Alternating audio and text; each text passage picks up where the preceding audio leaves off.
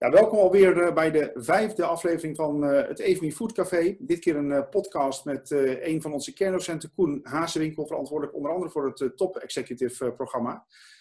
Koen, het zijn bijzondere tijden. Ehm, je merkt dat heel veel mensen en bedrijven eigenlijk uit hun comfortzone zijn gehaald. Ervaar je dat zelf ook? Ja, dat ervaar ik zelf ook zo. Ehm, ik zat me van het weekend te bedenken.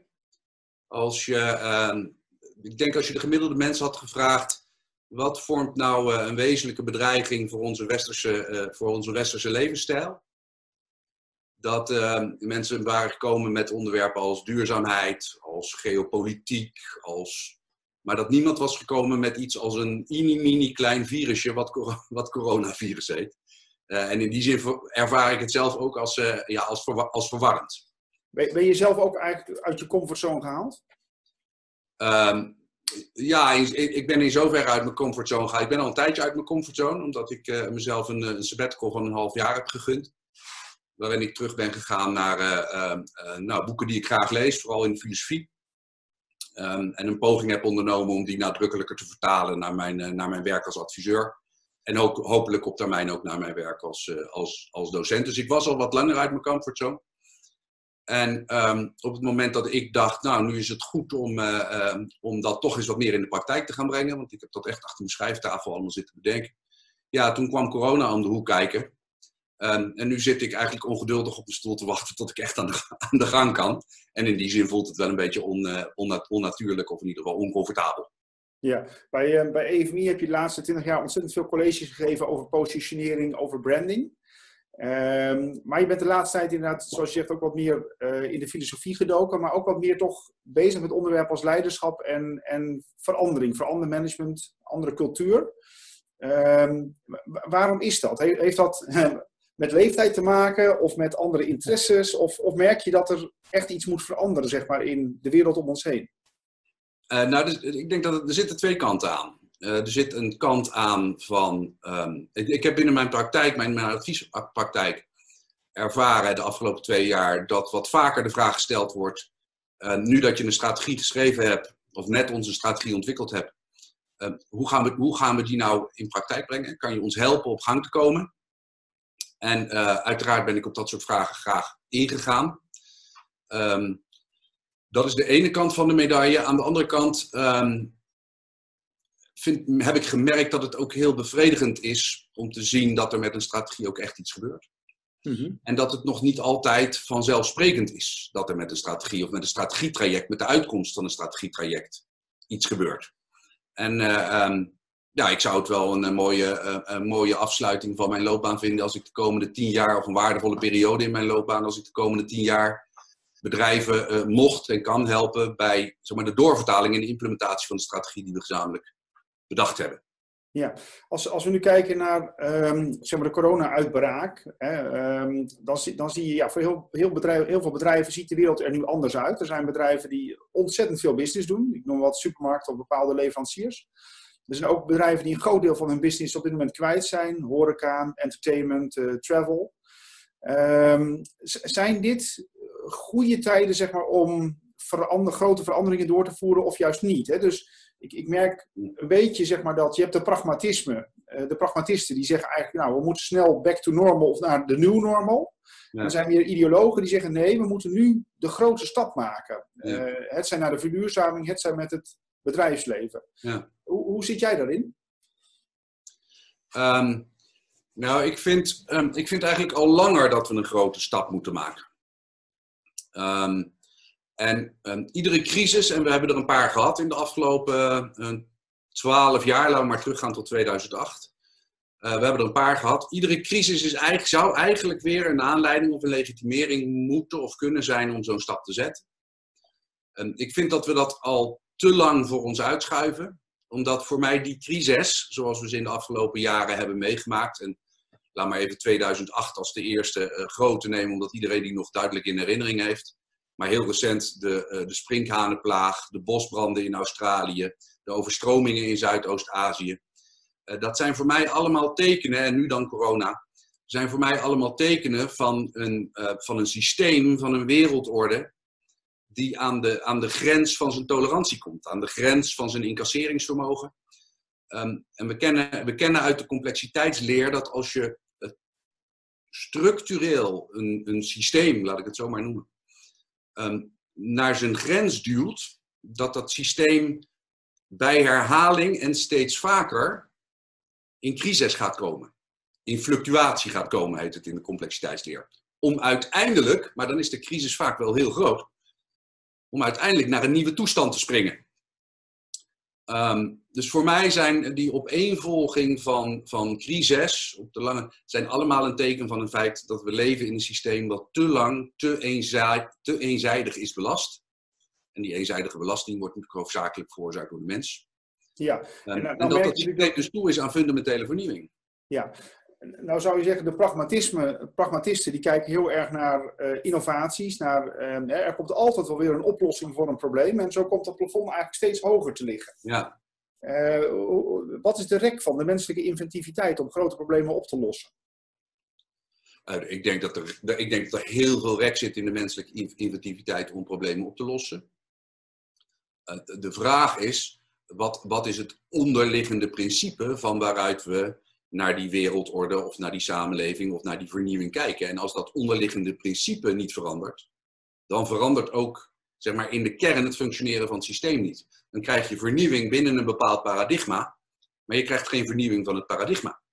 En volgens mij moet er een vernieuwing van het paradigma komen, of een bijstelling van het paradigma, waardoor die eenzijdige economische belasting van het systeem wat teruggeschroefd wordt naar een veel um, gewogener model van waardecreatie, waarin een breed stakeholderspalet eigenlijk aan zijn trekken komt, om het zo maar te zeggen. We hebben, we hebben een anglo-saxisch kapitalistisch systeem dat puur geld georiënteerd is. Eh, maar er is ook nog zoiets als stakeholder value naast shareholder value. En die stakeholder value gedachte die zien we veel nadrukkelijker terug.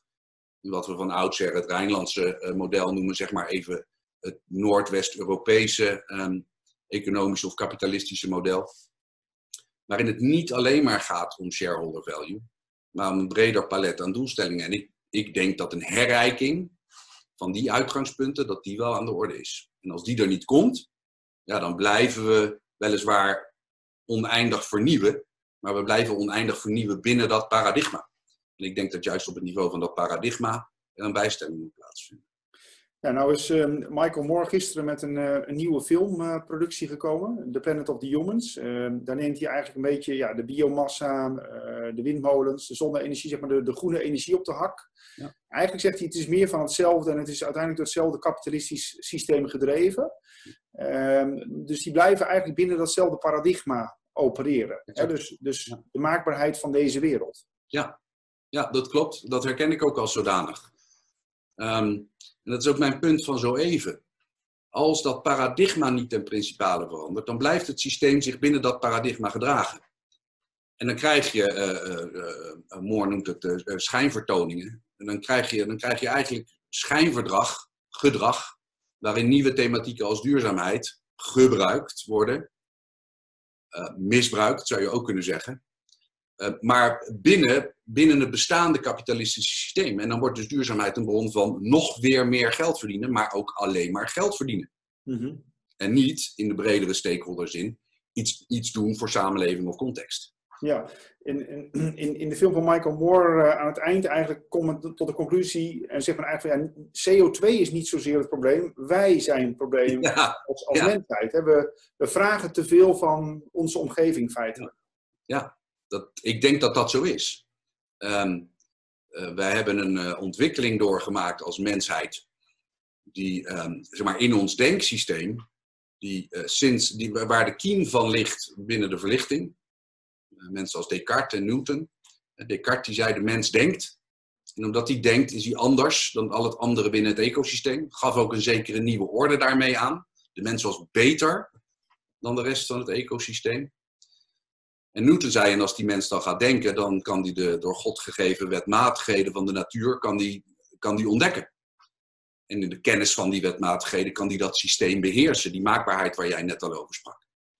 En dat, dat, dat vertrekpunt is binnen de economie dan verworden tot een vertrekpunt van winstmaximalisatie, of een gedachte van, maar ook weer een mens die denkend die wereld ook economisch kan maken. En wij zijn daar enorm in doorgeschoten. Ehm, alsof, eh, alsof het alleen maar over winst maken gaat, alleen maar over economie gaat, alleen maar over rendement gaat. Ehm, maar economie is van oudsher, ecos, in het Grieks komt het vandaan, oikos, is huishouding. En dat is een veel breder, breder begrip dan alleen maar de economische of geldelijke huishouding. Ehm, en ik vind dat wij daarin doorgeschoten. En daarmee in dat doorschieten zijn we dat systeem ook veel te veel eenzijdig gaan belasten. Ja. Er zijn natuurlijk ook uh, biologen, zoals bijvoorbeeld een James Lovelock, die er anders over denken. Hè? Die veel meer kijken naar de grenzen van het systeem. Ja, ja. Dat, is een, uh, dat, is, dat is een interessante tegenhanger eigenlijk op dat gedachtegoed wat heel lang al dominant is binnen de westerse wetenschap. De westerse wetenschap gaat vanuit het vertrekpunt van Newton en Descartes, en met de jaren is dat versterkt ook door andere denkers, maar laten we even die twee mensen nemen als, uh, als symbool voor dat gedachtegoed.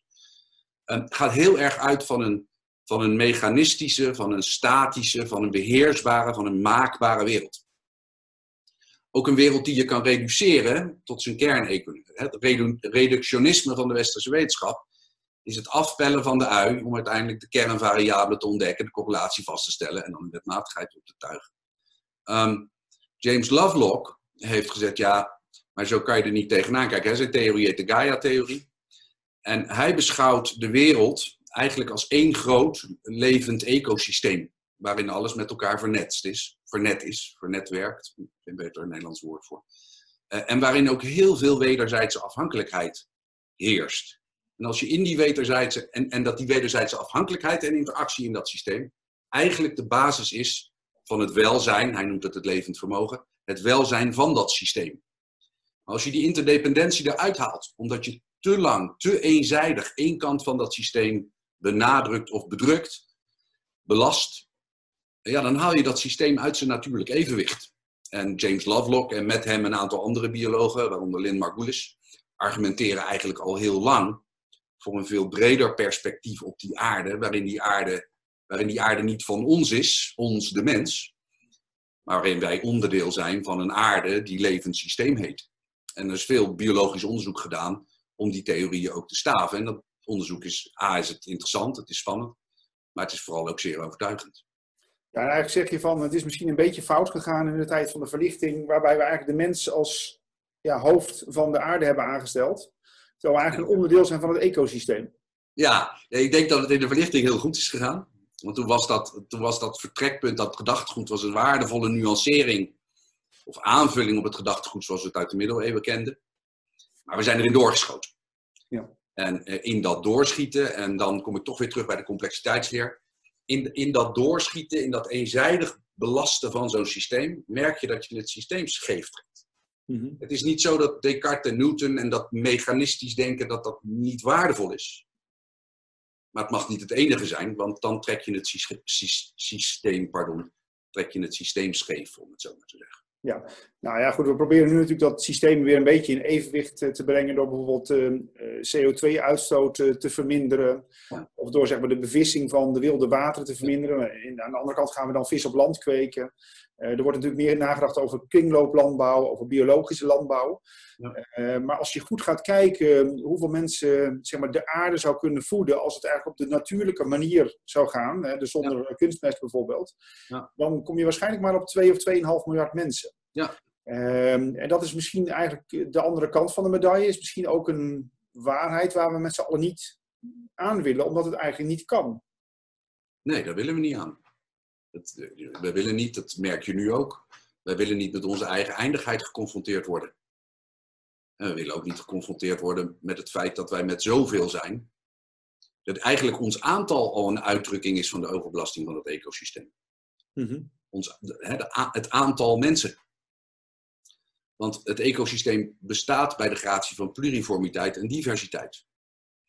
Nou, en als dan één species, één soort, één biologische variant spreekt de mens zo dominant aanwezig is op dat ding. En dan is 9 miljard niet zoveel. Hè. Er, zitten meer, er zitten meer bacteriën in jouw darmstelsel dan er mensen op de wereld lopen. Dus 9 miljard op zich is niet zoveel. Alleen onze uitwerking op dat systeem is zo ontzettend groot. Ja. En, en daarmee trekken wij dat, trekken wij dat systeem scheef. Uh, je zou zelfs kunnen zeggen, slopen we dat systeem. Ja, het is, heel vervelend om, om met elkaar te moeten besluiten dat er dan maar, uh, ja, waar gaan, waar, gaan, waar gaan dan die 4 of 5 miljard naartoe? Waar we vanaf moeten? Dat is een lastige vraag. Nou ja, het is misschien hè, een inconvenient truth. Um, Niet zozeer dat wij te veel CO2 uitstoten, maar dat onze algehele footprint in alle facetten zeg maar, uh, te groot is. Ja. Um, ik, ik, denk ook dat veel mensen, veel bedrijven dat eigenlijk ook wel um, herkennen en erkennen, maar eigenlijk niet goed weten hoe ze daarmee om moeten gaan. Nee, het is, ook, heel moeilijk om daarmee om te gaan binnen dat kapitalistische systeem. We hebben, uh, de, uh, Unilever heeft een, heeft een CEO gehad, nog niet zo gek lang geleden, meneer Polman, die nadrukkelijk getracht heeft om um, Unilever duurzamer te maken. Ik het zo maar even noemen. En, en ik vind overigens in het gedrag van Unilever nu, dus geen beroep wil doen op, regel, op regels, op steunfondsen, vind ik dat je in de kern van die onderneming, vind, je daar iets van terug, van dat gedachtegoed. Polman heeft geprobeerd dat groter te maken. En dat gaat ten koste van rendement. En toen kwam er een Amerikaans hedgefund en zei, ja, wacht even. Maar dit aandeel is eigenlijk veel meer waard dan dat meneer Polman ermee doet. En toen heeft meneer Polman het toch heel erg moeilijk gehad om overeind te blijven, om dat hedgefund buiten de deur te houden. Maar zo werkt wel het systeem. Mm dus je kan wel proberen te verduurzamen, maar we moeten dan met elkaar accepteren dat dat ten koste van rendement gaat. Dat als er rendement op een andere dimensie dan de economische ontstaat, dat het totaal gecreëerde rendement misschien wel groter is, of de totaal gecreëerde waarde misschien wel groter is. Maar als je het puur eenzijdig monetair of economisch benadert, ja, dan hebben we elkaar geldwaarde, hebben we wat laten liggen. Alleen wat hebben we daar dan voor teruggekregen? Hebben we daar een robuustere organisatie voor teruggekregen? Hebben we daar blijere mensen voor teruggekregen? Hebben we daar een gunstigere footprint voor teruggekregen? Um, er, is, er, is, er is meer waarde dan alleen maar financiële waarde. Ja. Zouden wij het, uh, het gedrag van mensen, het gedrag van bedrijven kunnen hervormen binnen het bestaande systeem? Want het, laat ik zeggen, het kapitalistische systeem heeft natuurlijk ook veel gebracht. Hè? De honger is grotendeels de wereld uit. Ja. Um, het perspectief ook voor jonge mensen is, is groter uh, geworden. Ja. Maar we zien denk ik ook dat, dat we misschien wel in een doodlopende straat uh, terecht zijn gekomen. Hoe, hoe kunnen we zeg maar, de vruchten van het huidige systeem behouden en toch voorkomen dat daarmee zeg maar, het systeem in onbalans raakt als het al niet zover is gekomen? Ja, ja ik, vind dat, ik vind dat een hele moeilijke vraag omdat, uh, kijk, in, in, in, in theorie of in aanleg kan je, kan je wel een alternatief kapitalistisch model bedenken. Dat is ook al wel onder woorden gebracht door Michel Albert, de toenmalige uh, voorzitter van het Centraal Planbureau van Frankrijk, begin negentiger jaren, een boekje schreef, Kapitalisme contra kapitalisme, waarin hij het Anglo-Saxische model afzette tegen het, tegen het Noordwest-Europese model, het Rijnlandse model, en liet zien dat het ook anders kan. Alleen dat anglo-saxische uh, kapitalistisch model is by far dominant geworden. En je zou iets aan die dominantie moeten doen. Um, alleen dan, ja, dan zijn de voortekenen, uh, die, zijn, die zijn niet heel erg gunstig. Trump heeft al heel vroeg in de coronacrisis aangegeven dat de Amerikaanse economie hier beter, groter en sterker dan ooit tevoren uit, uit, uit naar voren zal komen. Dat is ook zijn agenda, zo kennen we hem. Uh, hij zet daar nu ook ruksigloos op in. Ik weet niet of je de foto's hebt gezien van wat er in de zuidelijke staten gebeurt. Dat is bijna tranentrekkend hoe daar de Republikeinen nu opstaan tegen mensen uit de zorg die proberen die andere kant uh, zorgvuldig te doen. Het is een grote gok van Donald Trump, want als, hij, als we economische revitalisatie gaan zien in Amerika en het dodenaantal stijgt niet exorbitant, dan heeft hij bij voorbaat eigenlijk de verkiezing gewonnen. En dan weten we allemaal wat er gebeurt met de dominantie van het anglo-saxisch kapitalisme. Dat wordt alleen maar groter. Ja, maar jij, maar jij zegt eigenlijk ook van dat die dominantie wordt wel groter, maar het systeem uh, loopt toch tegen zijn limieten op of is er al overheen? Dus uiteindelijk, hè, als je de biologische visie zou doorvoeren, dan uiteindelijk keert het systeem zich tegen ons. Ja, maar dat, dat zal zich ook tegen ons keren. De vraag is alleen op wat voor horizon, op wat voor tijdsas. Uh, maar de dominante teneur vanuit Amerika zullen we kennen. Kijk, waar ik, waar ik op hoop, is um, een, een, een brede maatschappelijke discussie binnen Nederland rondom dit vraagstuk. Het zou heel mooi zijn als de politiek dat op zou pakken. Nederland in dialoog, om het zo maar te zeggen. En waar ik nog veel meer op hoop, is dat in de laatste zes maanden van dit jaar heeft Duitsland het voorzitterschap van de EU. En in Duitsland is het Rijnlands model, uh, de Rijnlandse variant van het kapitalisme, is nog heel erg onderdeel van de samenleving. Uh, het zou natuurlijk geweldig mooi zijn als een, uh, als een bestuurder met het statuur van Angela Merkel het voor elkaar zou krijgen om binnen Europa die thematiek groot op de agenda te krijgen. En als Europa rondom het Rijnlands gedachtegoed ook een zekere nou, collectieve identiteit zou ontwikkelen. Uh, om dan daar toch, toch als geheel sterker uit te komen. Dat is niet alleen goed voor deze aarde, dat is niet alleen goed voor mensen, het zou ook heel goed zijn voor Europa. -hmm. Want pas in de collectiviteit van Europa gaan wij weer, gaan wij weer een reëel derde machtsblok vormen in de grotere geopolitiek. Um, of dat, of dat haalbaar is bij de, uh, bij de schade die de Europese economie nu krijgt. En vooral de schade in de zuidelijke landen. Of, of de zuidelijke landen en de Noord-Europese landen, want wij hebben ook een paar steken laten vallen. Um, of, die, of die tot die collectiviteit kunnen komen onder, uh, onder het bestuur van Angela Merkel. Um, daar wil ik geen voorschot op nemen, maar het, het zou wel heel erg mooi zijn als dat gebeurde. Ja, dit, zijn, dit gaat natuurlijk meer over een, een vorm van systeemverandering. Ja. Uh, bedrijven zijn onderdeel van het systeem waarbinnen ze opereren. Je houdt je ook wat meer bezig met, met thema's als leiderschap en verandermanagement. Ja. Uh, hoe kun je zeg maar, dit soort vraagstukken op het niveau van het bedrijf definiëren? Um, nou, de, um, de, de manier waarop ik denk dat je dit uh, op bedrijfsniveau moet aanpakken, is. Um, laat ik een stapje terug doen. Als ik, uh, als ik terugblik op de geschreven managementliteratuur. En als ik kijk naar um, het vertrekpunt, het paradigma vanuit, vanuit welke de grote business schools vertrekken. Dan zit daar heel erg zit daar dat maakbaarheidsprincipe in. Bijna, bijna de volledige body of knowledge, zoals die op de grote business schools en in onderzoeken en bij adviesbureaus wordt geproduceerd rondom bedrijfskunde, rondom business administration, heeft heel, heel sterk iets van maakbaarheid.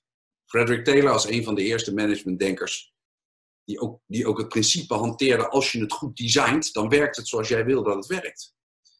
Um, dat is, uh, ik denk op, om te beginnen dat we op bedrijfsniveau moeten accepteren dat er ook een andere werkelijkheid is namelijk die van de interactie, van de dynamiek. En ik denk zelfs dat het zo is dat de interactie en dynamische kant van bedrijven vooral tot innovatie en vernieuwing leidt. Dus dat is, dat, dat is denk ik de eerste. Een zekere um, ja, ontnuchtering is misschien wel het juiste woord. Misschien ook niet helemaal het juiste woord. Maar een iets gewogener beeld van waarmee we naar die managementopgave kijken. Mm -hmm. Is het nou de opdracht van management om een organisatie te maken Vertrekken we vanuit een maakbaarheids-, zeker bestuurbaarheidsperspectief? Of vertrekken we vanuit een interactie- en een dynamisch perspectief? En laten we binnen dat perspectief veel meer ruimte voor, nou, ik ga niet zeggen zelfsturing, want dat is inmiddels een beetje een bevuild begrip, maar toch voor um, um, innovatie die ontstaan kan binnen autonoom functionerende teams. Uh, dus ik denk dat er in eerste instantie nodig is dat daar een betere balans tussen komt geven, geef, geven veel bedrijven hun managers te weinig vrijheid? Of laten we zeggen, uh, te veel misschien wel eisen mee dat het gaat om efficiëntie, om productiviteit. En dat wordt dan doorvertaald in KPI's die gehaald moeten worden. Ja. Waar eigenlijk mensen al te veel achter een bepaalde wortel aan moeten lopen. Ja, ik denk dat dat waar is.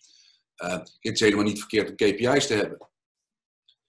Maar um, we moeten, we, we moeten af, we moeten accepteren dat er naast het, het maakbaarheidsprincipe een ander principe heerst binnen bedrijven. En dat dit, een mooi woord in de literatuur is autopoiesis. Dat is, dat is het zelf ontstaan, dat is de zelfcreatie. En um, ik denk dat heel veel innovatie en vernieuwing binnen bedrijven eigenlijk niet voortkomt uit een gepland, maakbaar, geprogrammeerd proces. Maar juist vanuit vindingrijkheid van mensen. Vanuit energie van mensen die bij elkaar kruipen, die iets zien en hey, zouden we daar wat mee kunnen? Veel meer dan, dan langs de blueprint-methode, waar, uh, waarmee we van oudsher naar organisaties kijken. Dus dat is, dus dat is, denk, ik, dat is denk ik één belangrijke stap. En, ik, en, dat, en dat leidt, zal er ook toe leiden dat we, dat we nadrukkelijker wat meer vanuit de menselijke maat redeneren binnen bedrijven. En die menselijke maat, als we eerlijk zijn naar onszelf, dat is er één die ons ingegeven wordt door, en dan zijn we weer terug bij het begin van ons gesprek, ingegeven wordt door onze relatie met ons ecosysteem. Mhm. Ehm, een, een natuurlijk gevoel van, van, van juistheid, laat ik het zo maar zeggen, van waarachtigheid in relatie tot je context. In plaats van het eenzijdig nastreven van winst en rendement. En mhm. Mij vielen de schellen van de ogen toen ik zag dat de, vermogens, de, de vermogenseconomie, om hem zo maar te noemen, de beleggingseconomie eigenlijk alweer geleid heeft tot een volledig herstel van AEX en Dow Jones, of zo goed als groot herstel van AEX en Dow Jones. Daar waar we allemaal weten dat de reële economie nog enorme klappen gaat krijgen. Ehm, je zou eigenlijk veel meer verwachten dat die, uh, um, dat die weerspiegelt, dat die waarde, dat die veel meer weerspiegelt wat er nog voor ons ligt. Maar kennelijk functioneert het niet zo. Altijd weer rendement, rendement, rendement. Ja. Um, nou, nou zou het natuurlijk kunnen dat heel veel beleggers van een koude kermis gaan thuiskomen. uh, dat, uh, de, de macro-economen die zeggen van ja, uiteindelijk uh, op lange termijn wint toch de macro-economie. Dus als die ja. vooruitzichten erg slecht zijn, uiteindelijk gaan de bedrijven daar last van, van krijgen. Ja, um, ja je, je net, noemde net al een thema waarachtigheid. Hè? Daar heb je ook wat columns, wat blogs over geschreven. Mm -hmm. wat, wat, wat, wat, A, wat spreekt jou aan zeg maar, in dat thema? En, en B, het feit dat je erover schrijft, betekent waarschijnlijk dat je een gebrek aan waarachtigheid Ja, ja um, wat mij aan het um, begrip waarachtigheid, en daarom gebruik ik het ook graag, wat mij daaraan bevalt, is dat het. Um, waarachtigheid gaat over waar gaat het nou echt over? Wat is hier nou de kern van de zaak? En als we het nou in al zijn nuchterheid beschouwen, wat is hier, wat is hier dan aan de hand? Wat speelt hier? En hoe kunnen we hier verbetering, verandering in aanbrengen? Um, het is, waarachtigheid is weg van standaardoplossingen, is weg van receptoplossingen, is, is oorspronkelijk en authentiek denken en doorgronden. Om uiteindelijk te zeggen, oké, als dat hier aan de orde is, hoe gaan we daar dan mee om? Het is in die zin ook weg van de tekstboekoplossingen die we in heel veel managementliteratuur tegenkomen. Eh, en dat bevalt me eraan, um, omdat het um, je de ruimte biedt tot een breder perspectief op organisaties dan alleen maar het maakbaarheidsperspectief. Ik denk dat dat, dat de gezonde verwevenheid tussen dat maakbaarheidsperspectief, wat nu dominant is in de managementliteratuur, en een veel meer dynamisch en organisch perspectief, dat dat eigenlijk een veel reëler beeld op organisaties biedt en in die zin een veel waarachtiger beeld van organisaties. Alleen wij laten, mijn observatie, wij laten binnen bedrijven weinig ruimte voor die andere kant van dezelfde medaille.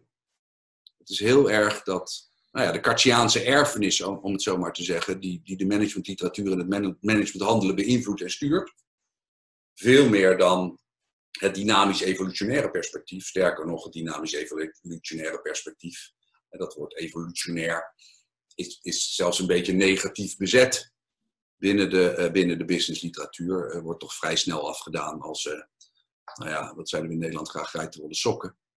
Uh, maar dat dat is verre van waar als je naar de biologie kijkt, waarin juist, Lovelock en Margulis hebben we al eerder gehad vandaag, um, zij heel, heel goed hebben laten zien dat het vooral de interactie en de dynamiek is binnen het systeem die leidt tot nieuw leven.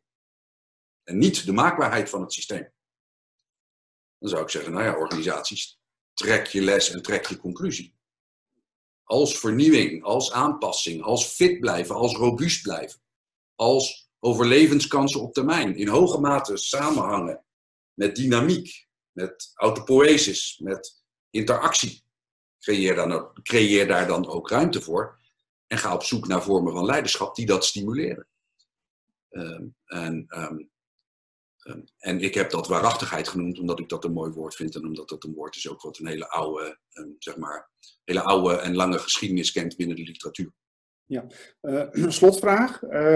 Gaat de huidige generatie leiders binnen bedrijven die verandering nog in gang zetten? Of is het aan de nieuwe generatie, jongere mensen die misschien het anders ervaren, het anders willen doen, uh, om die omslag te maken?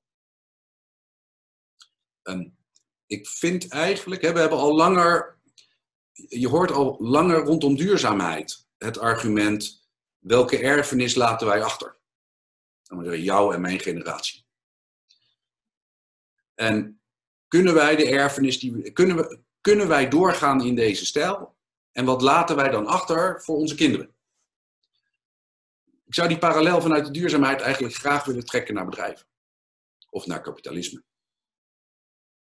Even los van de vraag of onze generatie dat wil. Onze generatie heeft de verantwoordelijkheid om dat te doen. Want als wij dat niet doen, dan zadelen wij onze kinderen niet alleen op met een ecosysteem of met een, met een, een grote kwetsbaarheid van het ecosysteem. We zadelen ze ook nog eens op met organisaties die eigenlijk anders in die. Dus als wij vanuit het oude paradigma of het heersende kapitalistische paradigma aan het herstel van onze bedrijven gaan werken na corona, dan maken wij de negatieve erfenis voor onze kinderen alleen maar groter. Wij zouden eigenlijk de verplichting hebben om na corona het herstel van onze organisaties te laten verlopen vanuit een veel waarachtiger perspectief dan het eenzijdig economisch perspectief. Al is het maar vanuit verantwoordelijkheid naar de volgende generatie. Anders zadelen we ze op met nog eens 10, 15 jaar achterstand in een, uh, nou ja, mag ik zeggen, noodzakelijke hersteloperatie. Een betere balans binnen dat grotere ecosysteem tussen economische interesses en bredere interesses die te maken hebben met duurzaamheid, met zorg, met maatschappelijkheid. Um, dus ik vind eigenlijk dat wij dat verplicht zijn te doen. Of we het gaan doen is een hele andere vraag. Oké, Koen, hartelijk dank.